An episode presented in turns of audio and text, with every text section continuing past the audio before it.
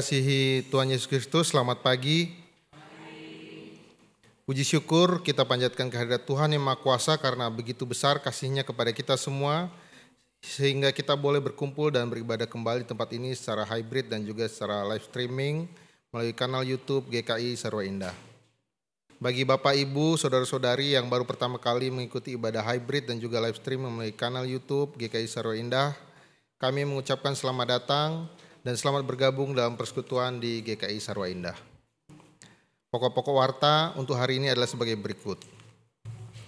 Kebaktian umum hybrid Minggu Paskah 2 dengan tema perjumpaan yang bermakna pada pagi hari ini Minggu 16 April 2023 dilayani oleh Pendeta Christian Dewantara. Ucapan terima kasih dari Panitia SI 1 dan Majelis Jemaat GKI Saro Indah mengucapkan terima kasih kepada Bapak Ibu, saudara-saudari, terkasih anggota jemaat dan simpatisan GKI Saro Indah yang telah mengambil bagian dalam aksi celengan kasih Paskah. Celengan kasih yang terkumpul sebesar 18.833.000 rupiah dan telah diserahkan kepada Panti Asuhan Abigail pada tanggal 15 April 2023. Tuhan memberkati Bapak Ibu, saudara-saudari semua untuk terus berkarya melayani sesama. Amin.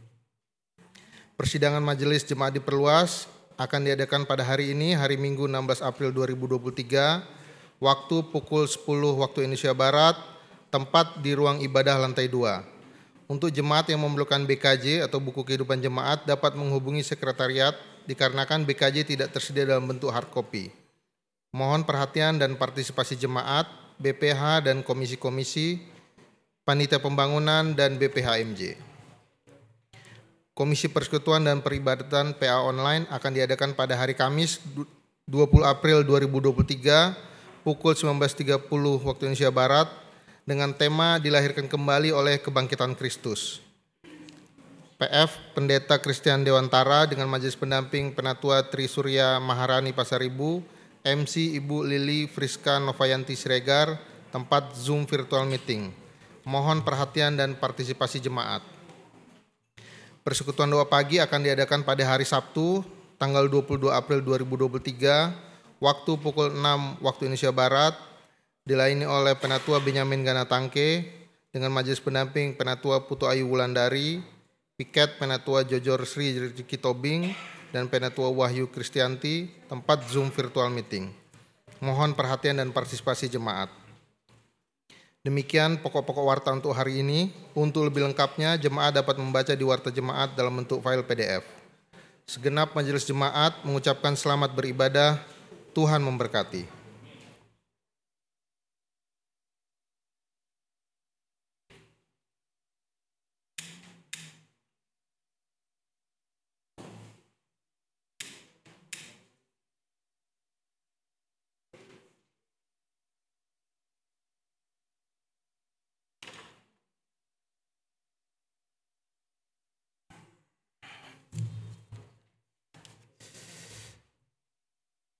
Saudara-saudara yang dikasih Tuhan Yesus, saat ini kita memasuki ibadah Paskah 2 yang menuntut umat untuk mengalami perjumpaan dengan Yesus yang hidup, yang dapat mengubahkan kehidupan orang beriman. Sehingga sekalipun tidak melihat Tuhan Yesus secara langsung, namun setiap orang dapat menghayati bahwa kebangkitannya dari kematian menjadikan kehidupan imannya semakin bertumbuh dan menguat. Mari angkat hati kita, pujilah Tuhan. Saya undang jemaat untuk bangkit berdiri. thank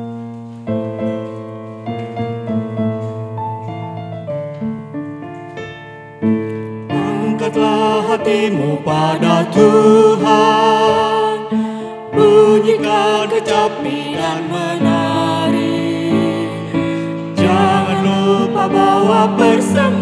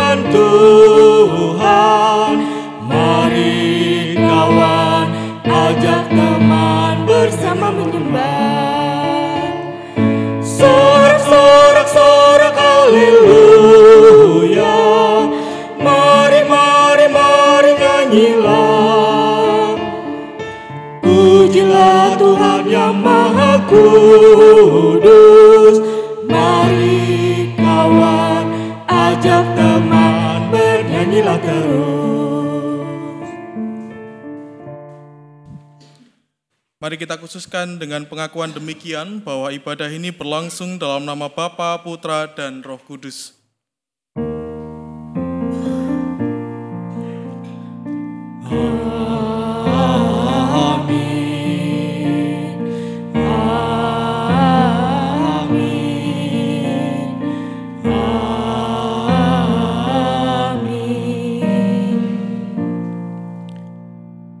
Beserta saudara. Dan beserta saudara juga.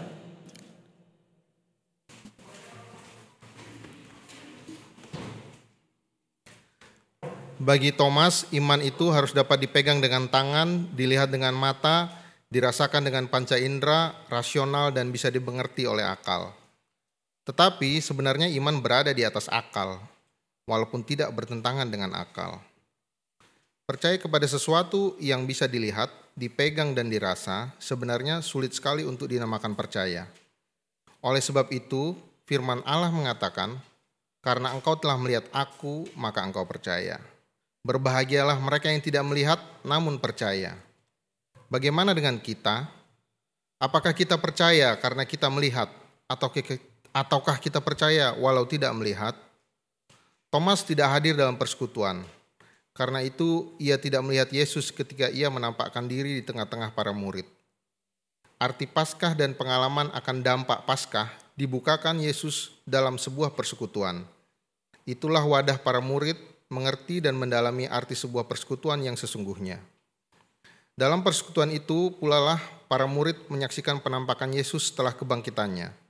Seperti halnya Thomas, bukankah kita sering kali mengabaikan persekutuan sehingga kita juga tidak bertemu dengan Yesus yang menampakkan diri?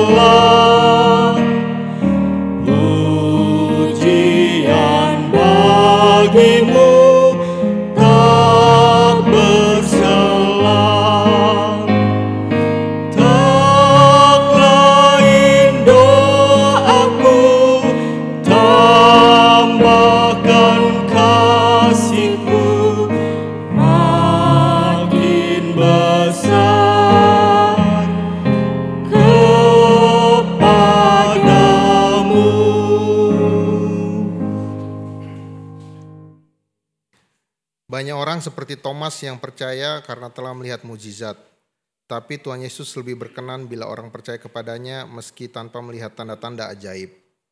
Karena semua bukti kebangkitannya tercatat dalam kitab suci. Para rasul telah menyaksikannya dan dampak kebangkitannya terlihat dengan kehadiran jemaat Tuhan di muka bumi. Memang untuk itulah Injil ditulis, yaitu supaya kita percaya kepada Yesus Kristus sebagai anak Allah. Orang beriman yang berbahagia adalah orang yang mendapatkan kepastian iman dengan tidak bergantung pada tanda dan pengalaman indera. Umat saya undang untuk berdoa terlebih dahulu secara pribadi dan saya akan menutupnya dengan doa pengakuan dosa.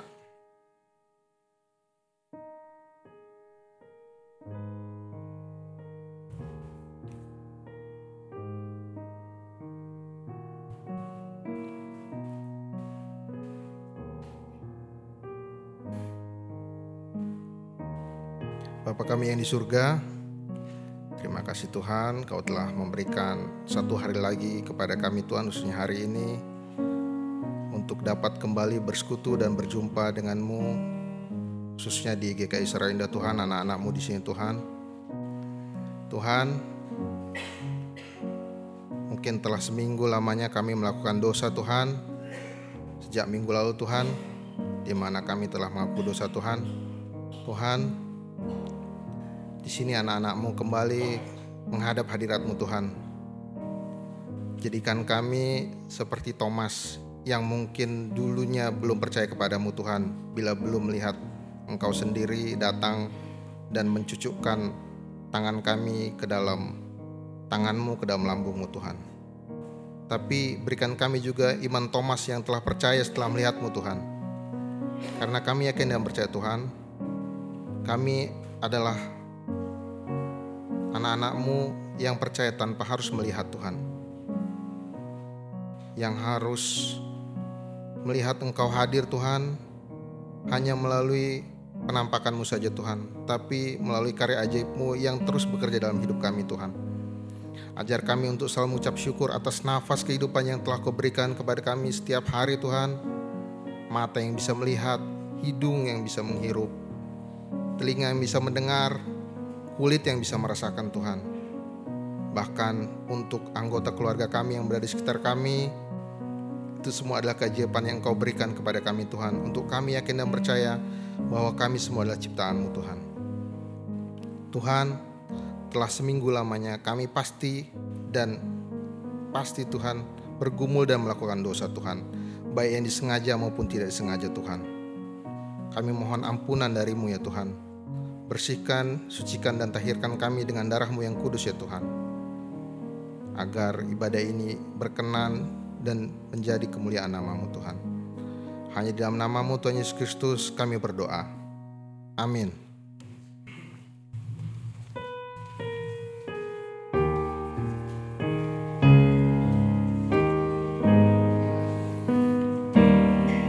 Biar ku tumbuh batangmu Ya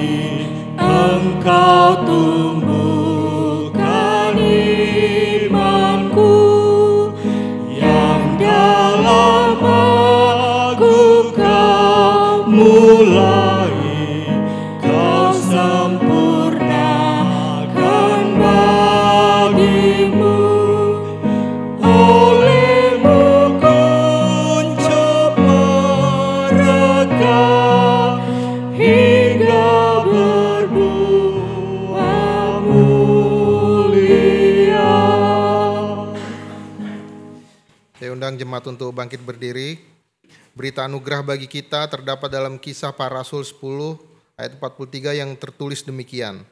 Tentang dialah semua nabi bersaksi bahwa barang siapa percaya kepadanya ia akan mendapat pengampunan dosa oleh karena namanya. Demikianlah berita anugerah dan petunjuk hidup baru dari Tuhan. Syukur kepada Allah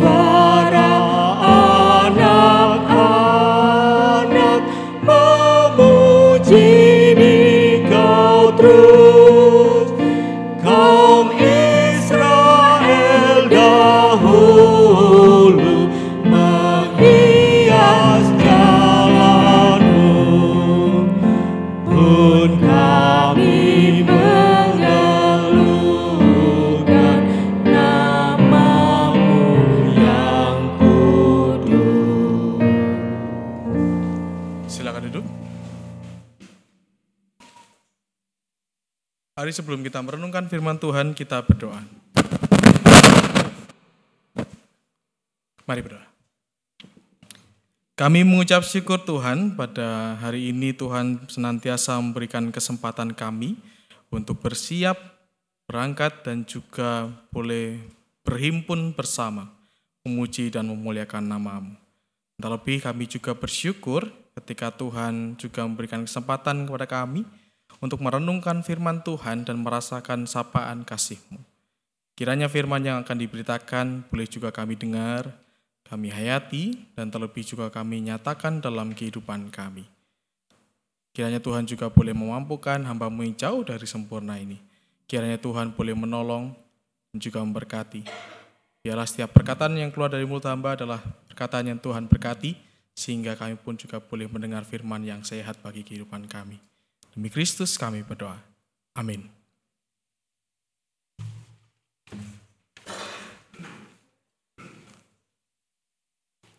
Pembacaan kitab diambil dari Kisah Para Rasul 2 ayat 14 dilanjutkan dengan ayat 22 sampai dengan ayatnya yang ke-32. Kisah Para Rasul 2 ayat 14 dilanjutkan dengan ayat 22 sampai dengan ayatnya yang ke-32.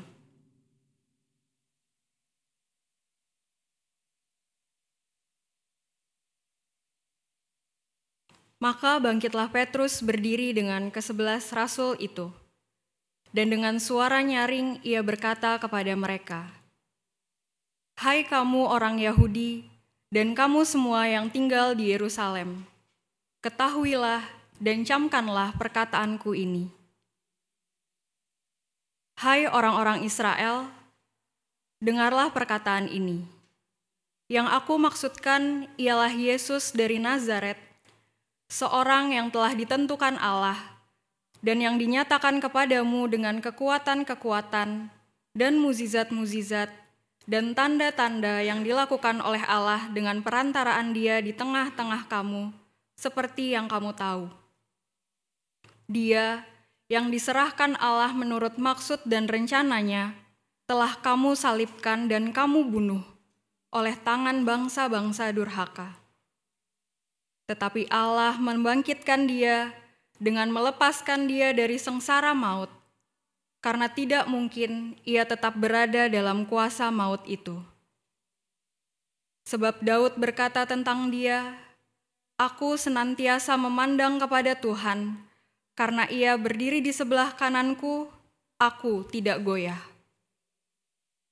Sebab itu hatiku bersuka cita dan jiwaku bersorak-sorak, bahkan tubuhku akan diam dengan tentram.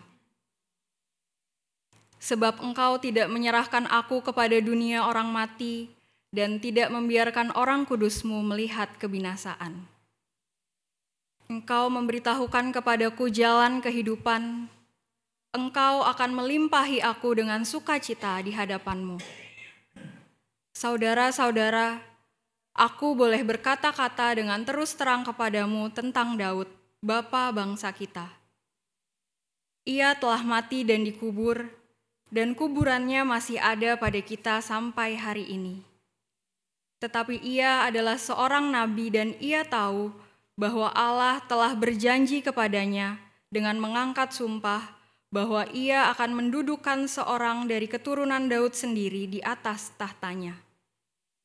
Karena itu, ia telah melihat ke depan dan telah berbicara tentang kebangkitan Mesias ketika ia mengatakan bahwa dia tidak ditinggikan di dalam dunia orang mati dan bahwa dagingnya tidak mengalami kebinasaan. Yesus inilah yang dibangkitkan Allah dan hal dan tentang hal itu kami semua adalah saksi. Demikianlah sabda Tuhan. Syukur.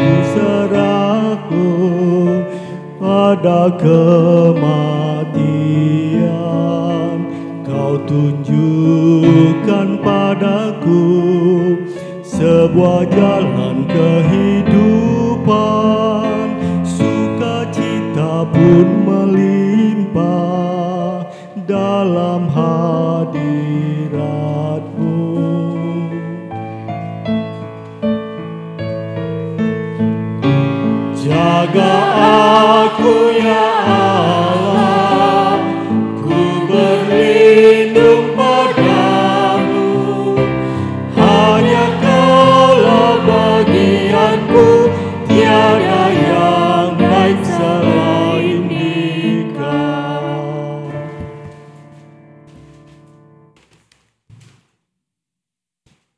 Pembacaan surat 1 Petrus 1 ayat 3 sampai dengan ayatnya yang ke-9.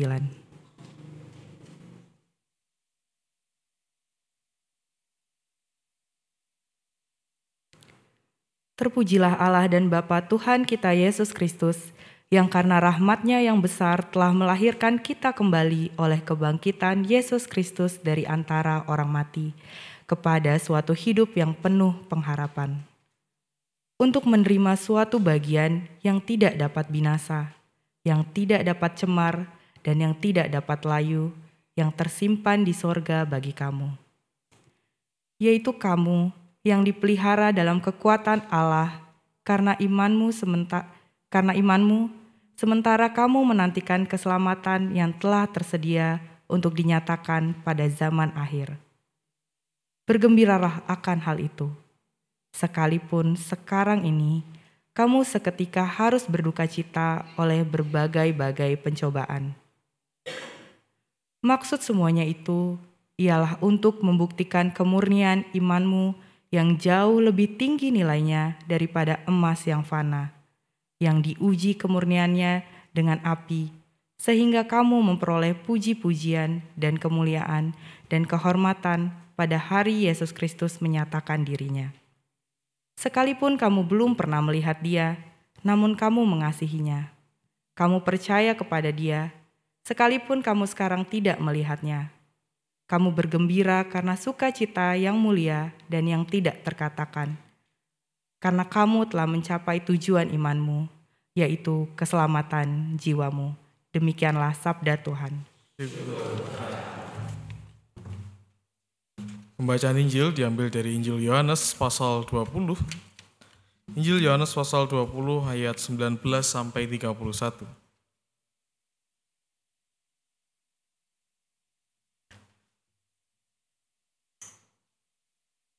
Yohanes pasal 20 ayat 19 sampai 31 demikianlah firman Tuhan. Ketika hari sudah malam pada hari pertama minggu itu berkumpullah murid-murid Yesus di suatu tempat dengan pintu-pintu yang terkunci karena mereka takut kepada orang-orang Yahudi. Pada waktu itu datanglah Yesus dan berdiri di tengah-tengah mereka dan berkata, "Damai sejahtera bagi kamu." Dan sudah berkata demikian, ia menunjukkan tangannya dan lambungnya kepada mereka. Murid-murid itu bersuka cita karena mereka melihat Tuhan. Maka kata Yesus sekali lagi, damai sejahtera bagi kamu. Sama seperti Bapa mengutus aku, demikian juga sekarang aku mengutus kamu. Dan sudah berkata demikian, ia mengembusi mereka dan berkata, terimalah roh kudus. Jikalau kamu mengampuni dosa orang, dosanya diampuni. Dan jikalau kamu menyatakan dosa orang tetap ada, dosanya tetap ada. Tetapi Thomas, seorang dari kedua belas murid itu yang disebut Didimus, tidak ada bersama-sama mereka ketika Yesus datang ke situ. Maka kata murid-murid yang lain itu kepadanya, kami telah melihat Tuhan. Tapi Thomas berkata kepada mereka, sebelum aku melihat bekas paku pada tangannya, dan sebelum aku mencucukkan jariku ke dalam bekas paku itu, dan mencucukkan tanganku ke dalam lambungnya, sekali-kali aku tidak akan percaya. Delapan hari kemudian, murid-murid Yesus berada kembali dalam rumah itu dan Thomas bersama-sama dengan mereka. Sementara pintu-pintu terkunci, Yesus datang dan ia berdiri di tengah-tengah mereka dan berkata, Damai sejahtera bagi kamu. Kemudian ia berkata kepada Thomas, Taruhlah jarimu di sini dan lihatlah tanganku, Ulurkanlah tanganmu dan cucukkanlah ke dalam lambungku dan jangan engkau tidak percaya lagi, melainkan percayalah. Thomas menjawab dia, Ya Tuhanku dan Allahku. Kata Yesus kepadanya, karena engkau telah melihat aku, maka engkau percaya. Berbahagialah mereka yang tidak melihat, namun percaya. Memang masih banyak tanda lain yang dibuat Yesus di depan mata murid-muridnya yang tidak tercatat dalam kitab ini tetapi semua yang tercantum di sini telah dicatat, supaya kamu percaya bahwa Yesuslah Mesias, anak Allah, dan supaya kamu oleh imanmu memperoleh hidup dalam namanya. Demikianlah Injil Yesus Kristus yang berbahagia adalah kita yang boleh membaca dan merenungkan firman Allah dan memeliharanya dalam kehidupan hari lepas hari. Haleluya.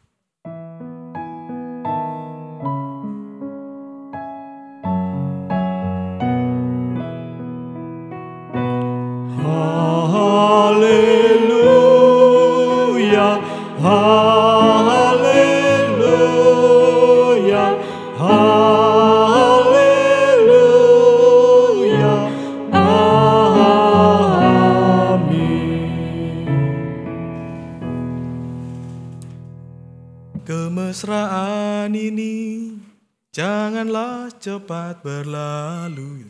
Kalau udah lagu itu, wah, sudah ya langsung kita nyanyi semua, tarik suara gitu ya.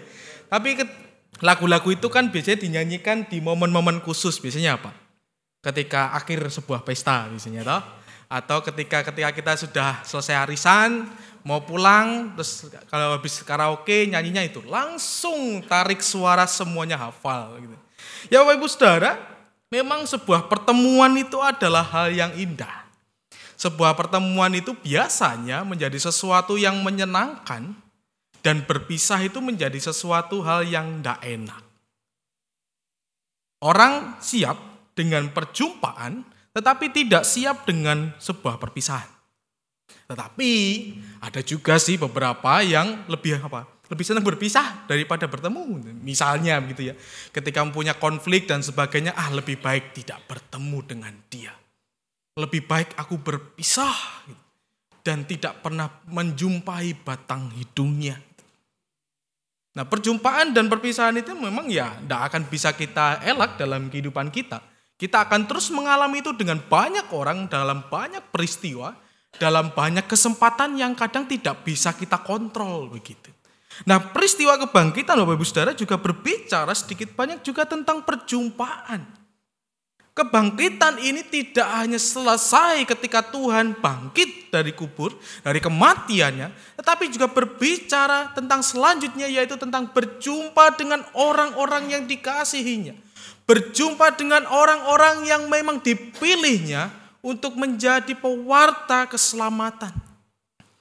Dalam bacaan kita dalam Injil secara khusus ada dua waktu yang digambarkan yaitu hari pertama minggu itu jadi kalau paginya minggu lalu kita membaca peristiwa Maria Magdalena. Nah, perikop yang pertama yang kita baca tadi itu ayat 19 sampai 23 atau setidaknya sampai ayat 25 itu itu adalah konteksnya di sore hari malam hari setelah peristiwa Maria Magdalena. Lalu bagian kedua di dalam ayat 26 sampai 28 itu peristiwanya sekira 8 hari tadi dikatakan. Ya sekitar semingguan lah setelah peristiwa perjumpaan pertama tadi itu. Jadi kalau kita melihat perjumpaan ini secara khusus memang walaupun ada banyak murid-murid yang digambarkan ada satu tokoh yang menjadi sentralnya yaitu Thomas. Kalau Bapak Ibu Saudara sebenarnya kalau melihat dalam Injil Thomas itu tidak banyak diceritakan awal-awalnya. Dia sebagai murid yang ya beda itu dengan Yakobus, Petrus, Yohanes yang banyak diceritakan begitu ya. Dia seorang yang ya murid tapi tidak banyak digambarkan dan dibahas. Dia justru muncul di dalam peristiwa kebangkitan Kristus. Nah ada sebuah pola yang kalau Bapak Ibu nanti bisa membaca lagi di rumah begitu ya. Di dalam Injil Yohanes itu selalu punya pola begini dalam konteks eh, kisah-kisah kebangkitan ya. Tokoh yang awalnya kecil di dalam satu satu perikop gitu, tokoh itu masih belum banyak karyanya. Di dalam perikop selanjutnya dia pasti akan menjadi tokoh utama. Jadi dalam kisahnya, jadi ada satu kisah, tokoh itu tidak terlalu banyak bercerita. Lalu setelahnya, kisah selanjutnya tokoh yang kecil tadi itu selalu jadi tokoh utama. Contohnya kemarin Maria Magdalena. Di dalam ayat 20 pasal 20 ayat 1 sampai 9 sampai 10 masih kecil. Maria Magdalena dituliskan di situ bahwa dia ada di situ. Tapi e, kisahnya belum ditulis secara lebih detail. Tetapi di dalam ayat 11 sampai 18 dia satu perikop digambarkan. Nah Thomas juga demikian. Thomas di dalam ayat 19 sampai setidaknya ayat 25 dia masih ya seperti tokoh figuran begitu. Tetapi setelahnya justru menjadi tokoh sentral di dalam kisah kebangkitan itu. Nah kenapa eh, Yohanes secara khusus Injil ini ditulis demikian berbeda dengan Injil-Injil eh, yang lain begitu tiga Injil yang lain. Karena ingin menunjukkan Yohanes secara khusus ingin menunjukkan dan menolong kita melihat bagaimana respon orang ketika menerima kabar kebangkitan. Jadi Yohanes memang lebih terstruktur ya Bapak Saudara ketika menulis ini, merangkum ini agar kita bisa melihat dan bercermin setidaknya bagaimana sih respon orang-orang ketika menerima kabar keselamatan itu. Nah, kita bisa uh, merangkum begitu ya dari pasal 20 ini Siapa saja tokohnya yang utama? Yang pertama adalah Petrus.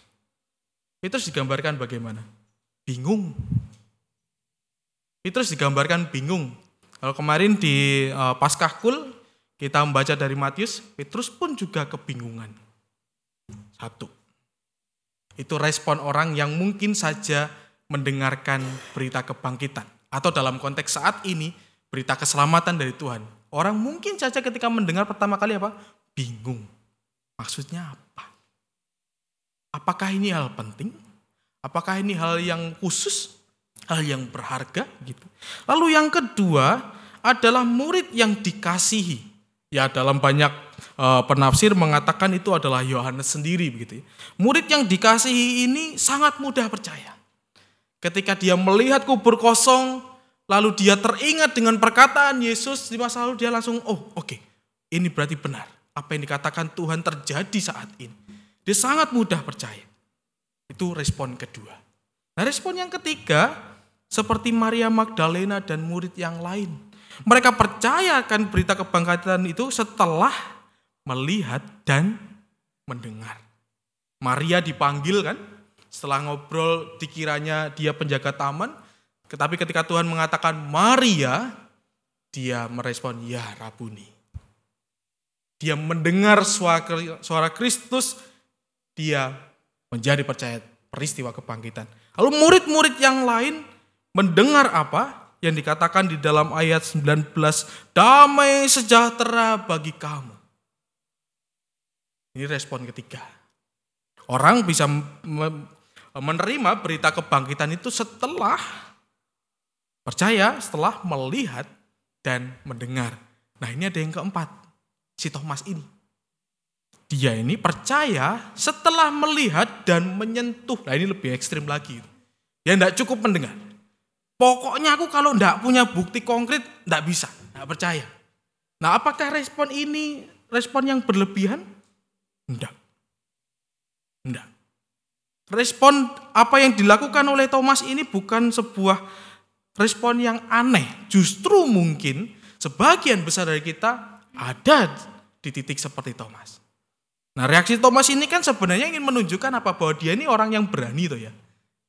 Dia ini orang yang punya apa ya, eh, punya keberanian, tetapi tidak tahu apa yang dia lakukan. Padahal Bapak Ibu Saudara kalau kita melihat yang namanya murid ya ikut toh dari Tuhan pelayanan. Dia bersama-sama dengan Tuhan sekian tahun, dia melewati peristiwa-peristiwa itu tapi tidak tahu. Berani, istilahnya kalau orang Surabaya bonek, gitu ya, bondo nekat, senggol bacok gitu ya. Tetapi dia nggak tahu apa yang dilakukannya. Dan bukankah ini menjadi sebuah gambaran banyak orang masa kini mengaku sebagai Kristen, kalau agama Kristen dijelek-jelekin marah, tetapi tidak tahu ketika ditanya bagimu sendiri keselamatan seperti apa? Mboh. Ketika ditanya apa arti Allah Trinitas dalam kehidupanmu? Ya yang penting Tuhan gitu. Tetapi ketika kita dikritik oleh orang lain, iman kita dipertanyakan, marahnya luar biasa bahkan ngajak duel mungkin. Tetapi ketika di- diajak untuk berdiskusi, untuk menggumulkan apa yang kita imani, justru sering kali kita kalah. Dan kita harus mengaku pemahaman kita enggak, enggak utuh. Pemahaman kita tidak lengkap dan tidak mendalam. Menjadi Thomas itu enak di satu sisi. Apa yang ia percayai valid. Model seperti Thomas begitu ya. Segala sesuatu yang ia percaya ada buktinya. Ada bukti empirisnya. gitu. Konkret. Tetapi apa yang tidak enak dari tipe orang seperti Thomas? Dia mempersulit sendiri kadang. Mempersulit dirinya sendiri di beberapa titik. Dia terus mencari-cari bukti. Nah persoalannya kalau buktinya tidak sesuai dengan apa yang kita pikirkan, nah ini kan cilaka. Kalau misal dia terus percaya, oh enggak, enggak bisa, buktinya enggak ini, enggak ini. Buktinya sudah ditunjukin buktinya, tetapi karena dia merasa bukti itu tidak cukup, maka dia akan menjadi orang yang sangat lelah dalam kehidupannya. Dia akan terus mengejar, buktinya harusnya ini loh Tuhan. Padahal Tuhan nunjukin, loh ini loh buktinya. Sudah di depan. Loh enggak, bukan. Harusnya enggak gini lah, coba apa gitu. Repot toh. Para murid lain sudah dikatakan damai sejahtera ada di dalam kamu. Percaya. Tapi bagi Thomas, enggak, enggak butuh damai sejahtera aku. Aku enggak butuh perkataan damai sejahtera. Butuhku mencucukkan ini lah coba. Ini kan gambaran banyak orang saat ini.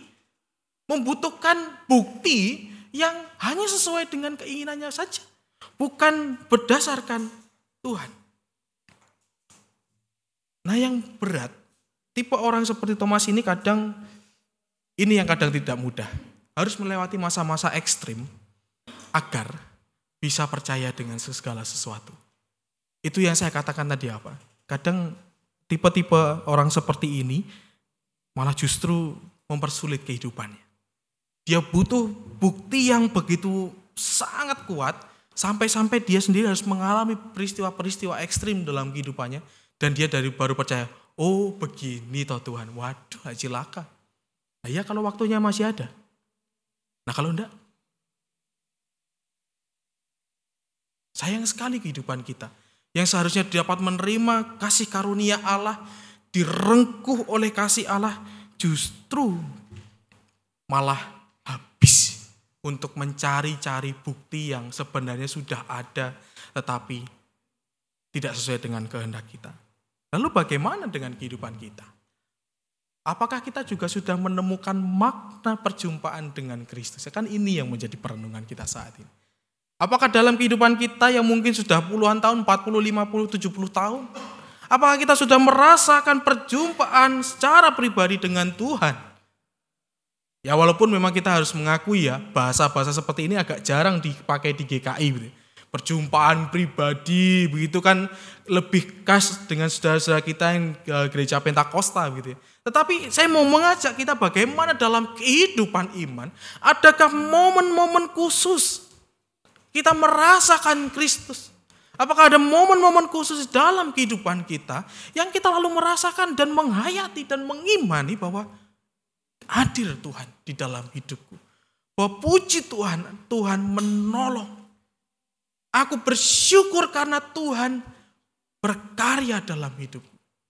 Nah ini kan yang kurang tuh ya di GKI tuh ya kadang.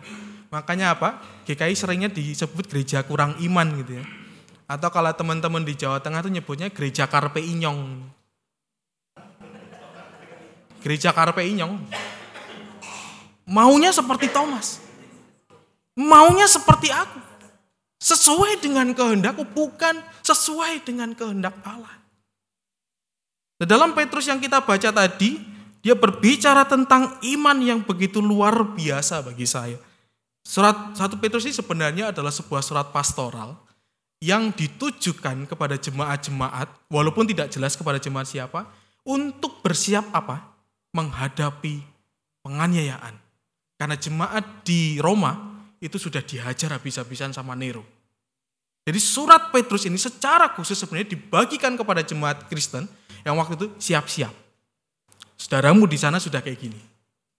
Bisa jadi kamu selanjutnya. Sebenarnya itu penekanannya. Makanya dia berbicara tentang emas.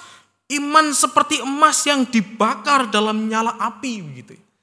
Di dalam sebuah acara di Discovery Channel, kalau bapak saudara pernah menonton, ada sebuah reality show yang menggambarkan kehidupan para penambang.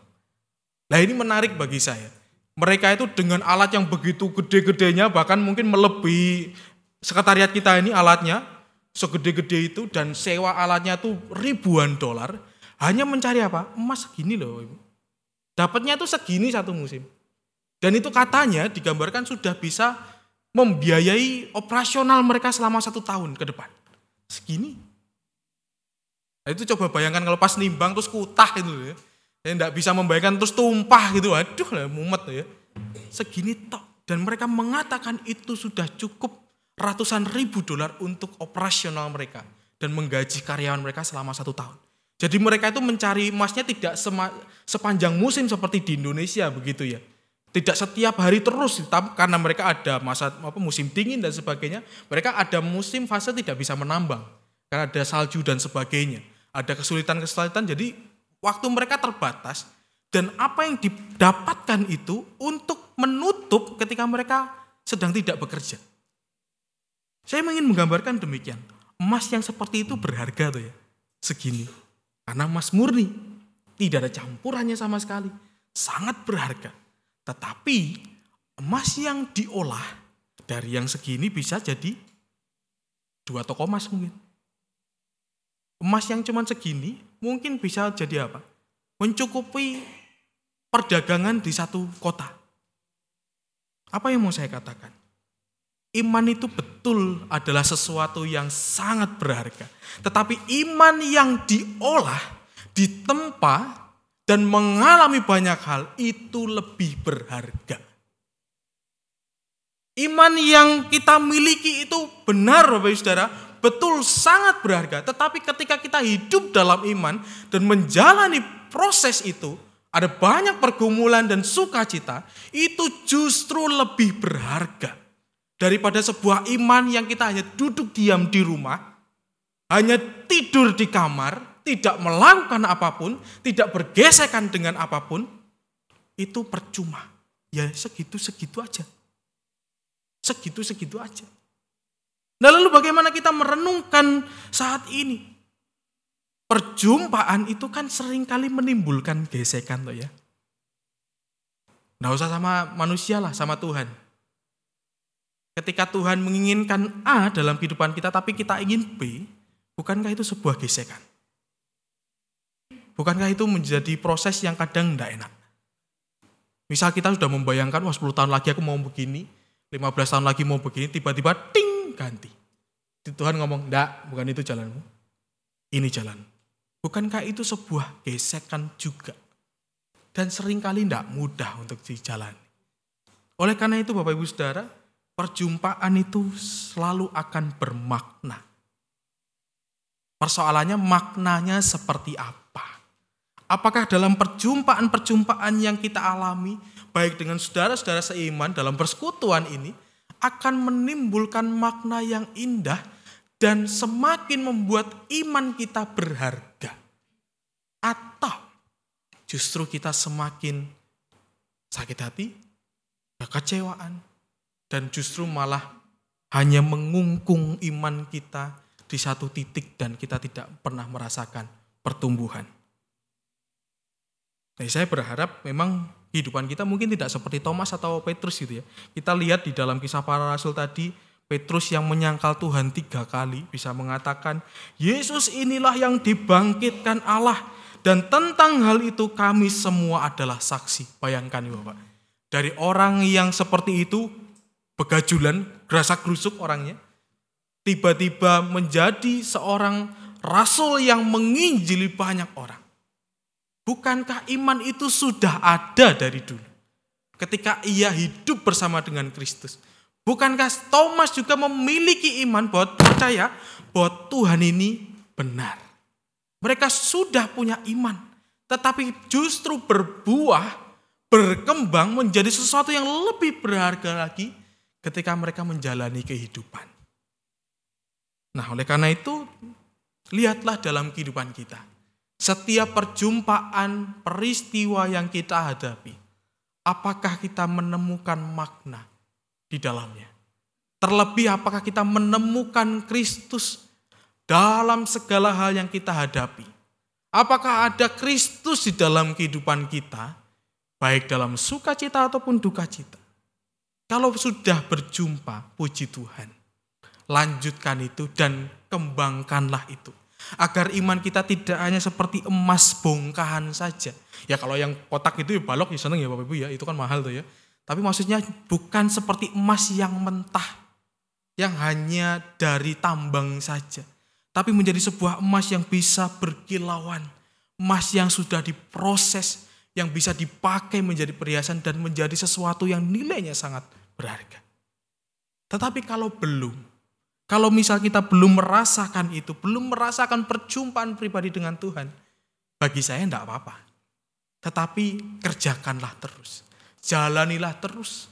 Siapa tahu di depan sana Tuhan sudah siap dengan kita sudah mau melakukan segala sesuatu dengan kehidupan kita.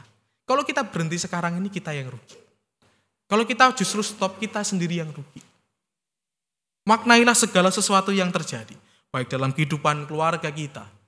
Dalam persekutuan kita bersama dengan GKI Sarwaida. dalam kehidupan bermasyarakat, bekerja, berusaha, atau hal-hal mungkin berelasi dengan para tetangga, apakah ada Tuhan yang bisa kita lihat di dalam itu? Apakah Tuhan berbicara sesuatu dengan kita pada saat-saat itu? Caranya mudah. Ambillah saat hening setelah segala sesuatu yang kita kerjakan. Ambillah saat waktu yang khusus secara teduh merenungkan secara pribadi bersama dengan Tuhan setelah apa pun yang kita kerjakan. Ya makanya kalau setelah khotbah jangan langsung ke kamar mandi. Lupa nanti. ya toh, biasanya kan begitu kalau ibadah itu kan eh, apalagi kalau khotbahnya lama satu jam itu kan udah kebelet kencing, kebelet apa itu. Begitu pendetanya amin, bubar semua ke kamar mandi. Ya janganlah. Ambillah saat teduh. Ambillah saat hening sejenak. Tidak hanya dalam ibadah, tapi juga dalam segala sesuatu. Misal dalam pekerjaan. Setelah Bapak Ibu Saudara mengalami banyak hal hari ini. Sebelum tidur, ambillah waktu mungkin 10 menit, 15 menit sendirian. Mungkin bisa bersama dengan keluarga. Berdoalah. Dan biasanya di situ Tuhan akan berbicara sesuatu kepada kita. Tuhan berkati.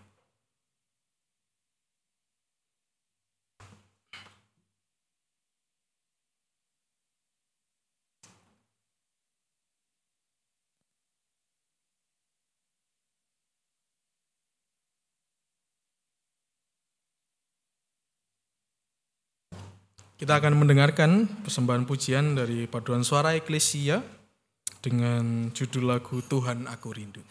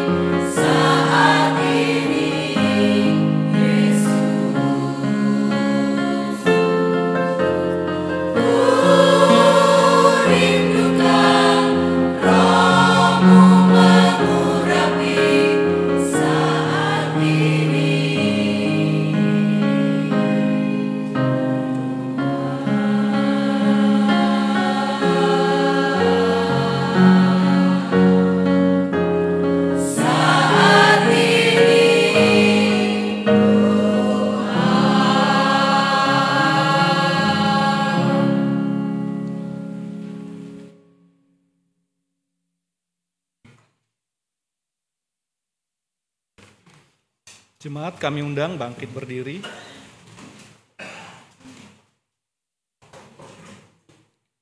Marilah kita bersama dengan umat Allah di masa lalu, masa kini dan masa depan mengingat pengakuan pada baptisan kita menurut pengakuan iman rasuli. Aku percaya kepada Allah, Bapa yang Maha Kuasa, Halik langit dan bumi, dan kepada Yesus Kristus, anaknya yang tunggal Tuhan kita, yang dikandung daripada roh kudus, lahir dari anak darah Maria, yang menderita sengsara, di bawah pemerintahan Pontius Pilatus, disalibkan, mati dan dikuburkan, turun ke dalam kerajaan maut. Pada hari yang ketiga, bangkit pula dari antara orang mati, naik ke sorga, duduk di sebelah kanan, Bapa yang Maha Kuasa, dan dari sana ia akan datang untuk menghakimi orang yang hidup dan yang mati. Aku percaya kepada Roh Kudus, gereja yang kudus dan am, persekutuan orang kudus, pengampunan dosa, kebangkitan orang mati, dan hidup yang kekal. Amin. Silakan duduk.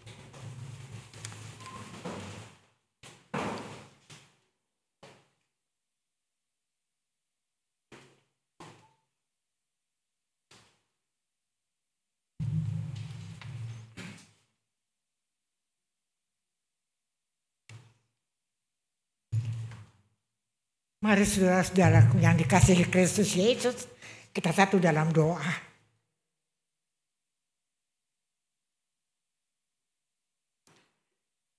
Segala puji, hormat, syukur, serta kemuliaan bagimu Tuhan. Karena engkau baik, sungguh amat baik. Terima kasih ya Tuhan. Pagi ini kami boleh berkumpul di tempat ini. Di rumah Tuhan yang telah Tuhan menolong mengubahkannya dari sebuah rumah sekretariat menjadi rumah Tuhan. Rumah di mana kami boleh beribadah dan mendengar pendeta kami membawa firman. Tuhan tutup bungkus pendeta Christian Dewantoro dengan kasih setiamu ya Tuhan. Sehingga apa yang ia sampaikan, apa yang ia tabur Tuhan untuk kami. Menjadi kemuliaan bagimu ya Tuhan. Bapa yang maha kasih dan maha murah. Kami juga sungguh berdoa, bersyukur dan berterima kasih untuk ruangan-ruangan di sekolah Nusa Indah di mana kami boleh memakainya. Tuhan berkati yang punya gedung. Tuhan berkati karyawan dan eh, guru-guru yang mengajar di sana. Juga murid-murid Tuhan yang belajar. Tuhan juga memberkati mereka. Sehingga semuanya merupakan kemuliaan bagimu saja ya Tuhan. Bapa yang maha kasih dan maha murah. Di seberang sana, di desa, kami juga mempunyai sebuah lahan Tuhan. Kira Tuhan memberkati orang-orang yang mengelola di sana Tuhan. Tuhan, kira satu saat pun kami boleh membangun rumah Tuhan di sana. Sehingga benar-benar Sarwa Indah mempunyai rumah Tuhan. Terima kasih ya Tuhan. Kalau sampai saat ini engkau senantiasa setiap saat bersama-sama dengan gereja kami. Sarwa Indah. Terima kasih ya Tuhan. Bapa yang maha kasih dan maha murah. Kami juga ingin berdoa untuk lahan di Nusa Loka ya Tuhan. Bapa yang maha kasih, di sana pun akan dibangun sebuah tempat untuk beribadah. Kiranya Tuhan ikut campur tangan ya Bapa. Tuhan yang maha kasih dan maha murah. Kami berdoa juga untuk uh, orang-orang di sekitarnya, kiranya mereka pun ikut berdoa. Jangan menyerahkan semuanya kepada gereja Serpong. Tapi biarlah mereka turut ambil bagian. Turut menarik jubah dari Tuhan Yesus. Untuk benar-benar memohon dibangun gereja di sana. Kami berdoa untuk karyawan di Pemda Tangerang Selatan Tuhan. Lunakanlah hati mereka ya Tuhan. Sehingga mereka pun boleh mengerti bahwa kami membutuhkan sebuah rumah Tuhan. Ya Allah yang maha pengasih dan maha pemurah. Kayaknya Tuhan memberkati. Tuhan mendengar seru doa kami ya Tuhan. Sehingga di Nusa Luka sana juga akan ada rumah Tuhan. Rumah di mana kami boleh berdoa dan mengucap syukur. Karena engkau baik, sangat baik. Setiap kali engkau memberikan kami apa yang kami butuhkan, bahkan yang tidak kami minta. Tuhan, sebab itu Tuhan.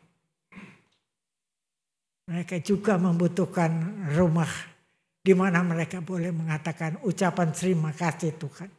Setiap minggu di rumah Tuhan, di Nusa Luka sana ya Tuhan. Bapak yang maha kasih dan maha murah. Kayak Tuhan mau dengar seru doa kami. Engkau mau mengabulkannya ya Tuhan. Sehingga di Nusa Loka sana pun ada rumah Tuhan. Ya Allah ya maha pengasih. Inilah doaku ya Tuhan. Kira Tuhan mau memberkati. Tuhan mau mendengar dan Tuhan mau menggabungkan. Terima kasih ya Tuhan yang kami mempunyai Allah seperti Engkau. Terima kasih ya Tuhan Yesus.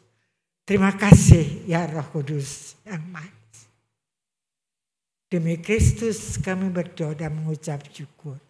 Haleluya. Tuhan kami juga bersyukur ketika Tuhan boleh mendorong dan menuntun kami untuk juga berbagi.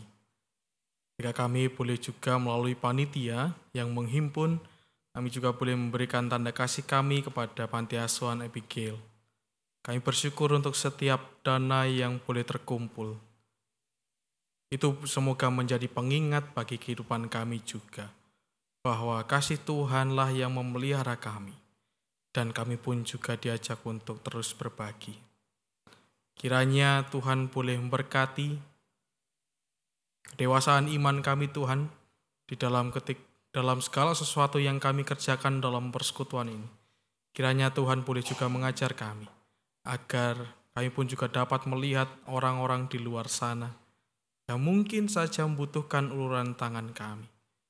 Dan pakailah kami Tuhan sebagai sebuah persekutuan, agar kami pun boleh semakin luas menyatakan cinta kasih-Mu. Berkati kami, agar ketika kami juga hadir dalam kehidupan bermasyarakat, kehadiran kami membawa makna yang baik dalam segala hal yang kami kerjakan hari lepas hari. Kami membawa kasih Tuhan, bukan hanya diri kami. Tuhan kami juga berdoa untuk jemaat dan simpatisan Kaisar Indah. Kiranya dalam segala pekerjaan yang kami lakukan, usaha yang kami lakukan, kami pun juga boleh juga menyatakan kasih Tuhan, tidak hanya mengerjakan tanggung jawab kami semata. Saat ini Tuhan, kami juga ingin berdoa untuk saudara-saudara kami yang dalam minggu ini berulang tahun. Kami bersyukur untuk pertambahan usia yang boleh dirasakan Bapak Bambang Santoso, Ibu Ana Habel Tambunan, Penatua Sahala Lumban Raja, Ibu Webster Siagian, Ibu Dina Suryaning Tias, dan Bapak Christian Toping. Kami bersyukur untuk pertambahan usia yang boleh dirasakan saudara-saudara kami. Kiranya Tuhan boleh memberkati segala hal yang sedang dikumulkan oleh saudara-saudara kami, setiap harapan yang direncanakan dan dikerjakan, dan segala sesuatu hal yang mereka miliki.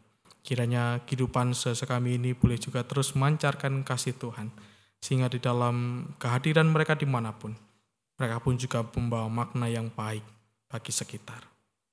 Kami juga berdoa Tuhan untuk saudara kami yang masih dalam sakit dan pemulihan. Kami berdoa untuk adik kami, Alex Lubis, yang saat ini sedang dirawat di RSUD, dan juga berdoa untuk Ibu Ruslina Limbong, yang dirawat di Rumah Sakit Premier Bintaro. Kami menyerahkan kedua saudara kami ini dalam tangan pengasihanmu, sehingga Tuhan boleh melawat dan juga memulihkan kesehatan mereka, dan agar Tuhan pun boleh menyatakan kasih kepada saudara kami yang sedang dalam kelemahan tubuh. Kami juga berdoa untuk saudara kami yang masih dalam pemulihan. Kami berdoa untuk Ibu Mami Palon, Ibu Hana Panjaitan, Ibu Yulia Kristianti, Bapak Christian Nuta Galung, Ibu Nika Elizabeth Buki, Bapak Wahyu Hidayat, Ibu Yana Triani, Ibu Maria Magdalena, Ibu Tambunan, Bapak RC Siakian, Bapak Rudi Pasaribu, Ibu Sarah Jaya Sumadi, Ibu Sri Herawati Uta Said, dan Ibu Linda Budi. Pun juga dengan saudara kami yang lain yang belum tertulis dalam warta, kiranya Tuhan boleh juga melawat saudara kami ini. Kami menyerahkan saudara kami yang dalam sakit dan pemulihan dalam tangan pengasihanmu Tuhan. Tuhan kiranya boleh memberkati dokter, alat-alat medis yang digunakan, dan juga obat-obatan yang dikonsumsi. Kami percaya itu semua boleh Tuhan pakai untuk perpanjangan tangan Tuhan. Dan bila nanti siang kami juga akan melaksanakan PMJD, kiranya Tuhan boleh juga memberkati proses ini. Boleh Tuhan tuntun agar berjalan dengan baik, dan kami sebagai sebuah persekutuan pun juga boleh mengalami pertumbuhan. Kami boleh merasakan kasih-Mu melalui setiap program yang sudah kami kerjakan maupun akan kami kerjakan pada tahun ini. Kiranya itu semua juga boleh Tuhan berkati dan nyatakan. Biarlah kami dalam satu kesatuan Tuhan dalam kepelbagaian yang kami miliki, kami boleh terus bersama bergerak sebagai sebuah persekutuan GKI Sarwa Indah. Biarlah apa yang kami kerjakan bersama bukan menjadi keinginan pribadi kami, tapi itu semua hanya demi kemuliaan nama Tuhan. Satukanlah kami di dalam segala hal yang berbeda dalam kehidupan kami. Berikanlah kami ikatan yang kuat dalam kasih cintamu, agar apa yang kami kerjakan boleh juga menjadi sarana untuk kami boleh bertumbuh di dalam iman. Dan kami pun memiliki iman yang tidak hanya sekedar berharga, tetapi sebuah iman yang benar-benar berharga karena melalui banyak proses yang mendewasakan kami. Kami juga berdoa untuk uh, karyawan gereja, Pak Didi dan juga Bang Berlin, kiranya Tuhan boleh memberkati segala pekerjaan yang mereka lakukan untuk menolong kehidupan perjemaat kami, kiranya Tuhan pun juga boleh memberkati kehidupan pribadi mereka. Inilah seluruh syukur dan permohonan kami Tuhan. Dalam nama Tuhan Yesus Kristus kami berdoa demikian.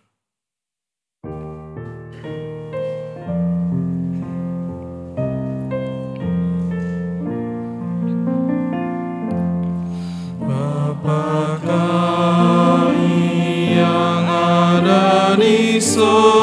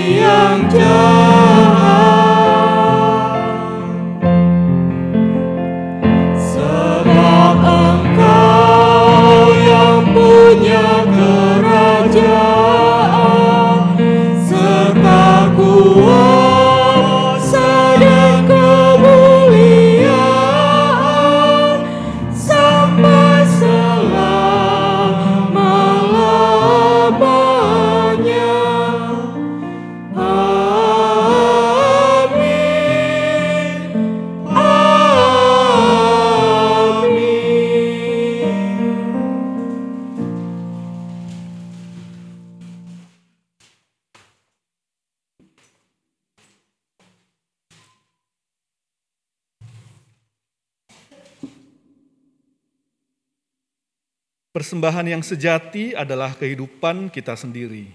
Oleh karena itu, mari kita berikan hidup kita sepenuhnya untuk kemuliaan Allah, seraya mengingat akan firman-Nya yang terdapat dalam Mazmur 54 ayat 8. Dengan rela hati aku akan mempersembahkan korban kepadamu, bersyukur sebab namamu baik ya Tuhan.